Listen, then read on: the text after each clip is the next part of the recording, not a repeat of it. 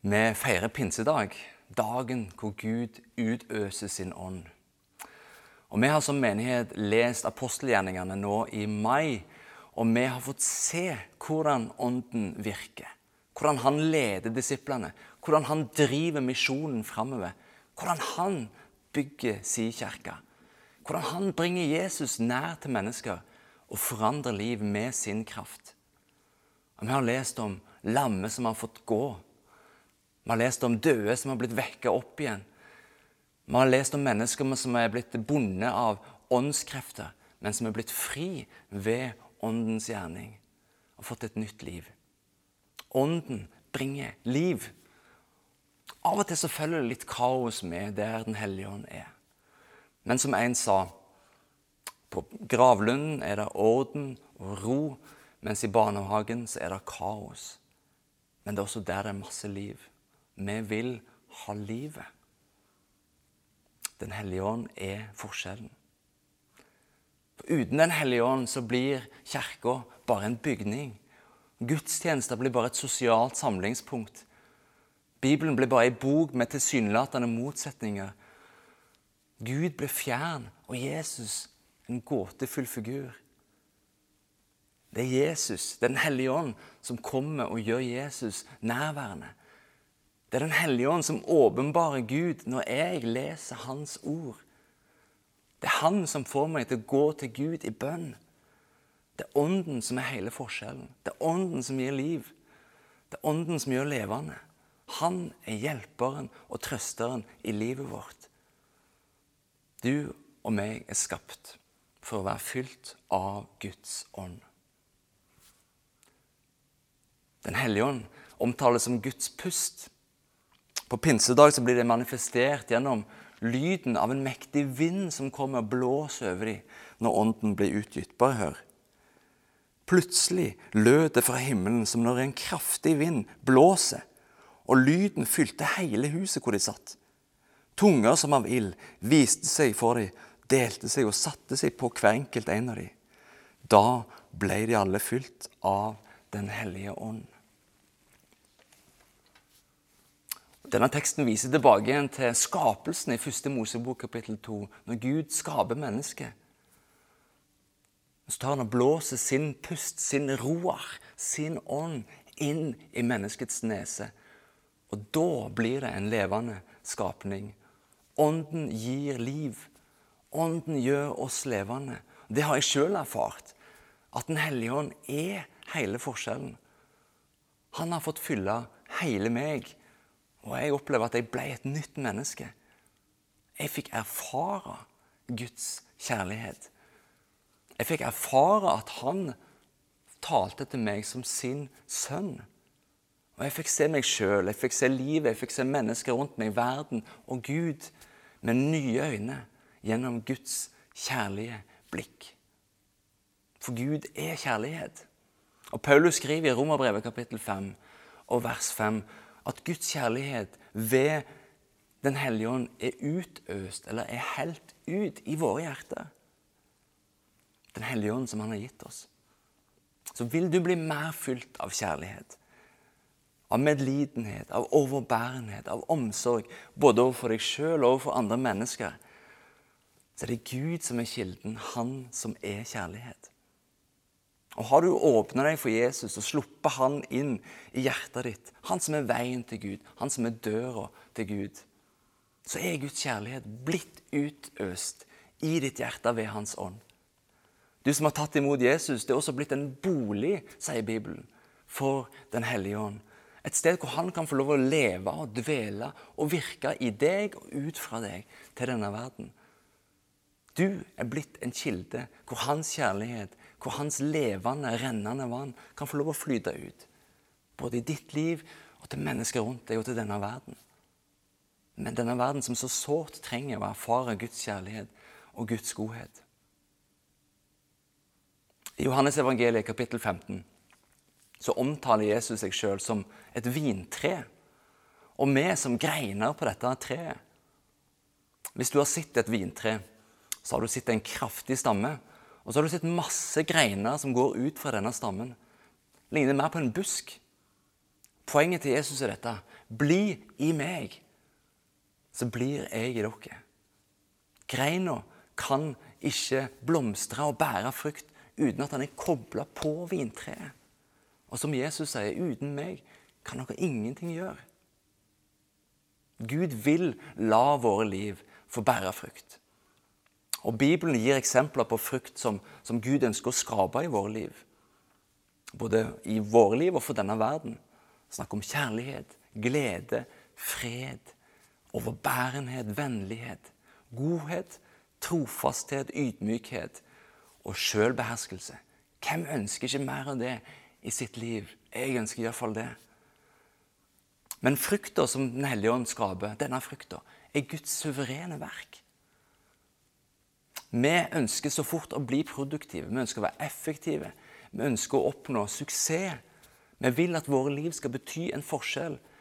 Men du og meg kan ikke skvise ut denne åndens frukt, denne Guds kjærlighetsfrukt. Det er et verk av Den hellige ånd i oss. Og det skjer bare gjennom at vi blir i Han. Samme hvor hardt vi jobber. Kun kobla til at vi er kobla på stammen, på Jesus. Og frukt kan det ta tid å utvikle. Jeg planta et plommetre for fem-seks år siden. Det har ikke kommet frukt på den ennå. Denne våren så lover det godt. Vi ser noen blomster som kan tyde på at kanskje det kommer ei plomme i år. Men frukt tar tid å utvikle. Og vi må lære oss å bli i Han, bli værende i Han. Vente på Han. La Han få fylle oss. Poenget til Jesus det er at det er Han som gir frukt. Vårt fokus skal ikke være å presse fram Åndens liv og gjerning i oss, men vårt fokus skal være å være tett kobla på stammen, på Jesus. Vårt fokus skal være å bli i Han. For uten meg kan dere ingenting gjøre. Når vi er i Han, når vi er kobla på stammen, da flyter sevja. Da flyter det levende vannet. Da flyter Den hellige ånd fra røttene, fra stammen, fra Jesus og inn i oss, gjennom oss, gjør sin gjerning. Skaper liv i oss. Her ser dere to greiner fra det samme treet. Um, den ene har vært kobla fra stammen en god stund. Den andre skar jeg av nå i dag. Den ene greina er full av liv og blad og sevje. Den andre er tørr og nærmest død. Hvordan kjenner du ditt liv i Gud? Er du mest som denne greina her, eller er du mest som denne greina her? Det er pinse, og pinse handler om åndens fylde. Noe som kan gi store omveltninger i livet. Men pinse og åndens fylde det er også en tilstand som vi skal få lov å leve i, som vi skal få lov å bli i. Kanskje skulle ditt og mitt fokus mer være på hvordan vi kan bli i Jesus. Hvordan vi kan være kobla på stammen for å få del i Ånden, så han kan få flyte i oss og gjennom oss. Mer på det enn en fokus på hva vi kan gjøre for Jesus. Og nå i juni i tida framover så skal vi se på praktiske måter vi kan bli i Han på. Vaner som kan hjelpe oss til å bli værende i Han på stammen. Så bli med oss i denne ja, i utvikle disse vanene nå framover i juni. I Johannes evangeliet, kapittel 7 og vers 37, så sier Jesus at den som tørster, kom til meg og drikk. Og fra hans indre så skal det renne elver av levende vann. Den hellige ånd utøst i oss. Du som er tørst, du som kjenner at du trenger mer av Jesus i ditt liv. Jeg trenger mer av Åndens liv, mer av Åndens kraft. Jeg trenger mer av Guds kjærlighet i mitt liv. Kom og drikk. Kom til meg og drikk, sier Jesus. Kom og pod deg på stammen. Da vi i lederskapet her i menigheten var samla og ba forrige uke, så kom det et profetisk bilde av en, av en fontene, av en kilde, som, som sto opp midt i kirkesalen. Med levende, med rennende vann. Og Så sto mange mennesker i hjørnene av kirka og bare venta på at vannet skulle flyte ut til de. Og så var det en invitasjon fra Gud som sa ikke stå på avstand og vent, men kom nær og drikk av det levende vannet. Bli fylt av Ånden. Det er Guds befaling til oss i Efeserbrevet kapittel 5, 18. Og For du som er glad i grammatikk, og det er jo noen av oss, så er det altså presens imperativ passiv. Det er imperativ. Det betyr at det ikke er en anbefaling fra Gud. Det er en befaling. Bli fylt. Du skal bli fylt av Ånden. Og så er det presens. Det betyr at det gjelder nå. Det gjelder ikke engang i framtida. Det er nå. Du, du trenger å koble deg på. Ikke vent. Og så er det en passiv form, som betyr at dette er ikke noe du skal gjøre. Det er ikke du som skal gjøre det harde verket. Det er det Jesus som gjør. Det er det Ånden som gjør. Vårt fokus skal være å være i mottakerposisjon og la Hans ånd få flyte i oss og gjøre sin gjerning i oss. Bli fylt av Ånden. Det første steget, basicen i et liv hvor vi følger Jesus, og utgangspunktet for alle andre vaner som hjelper oss til å bli i Han, det er å vende om.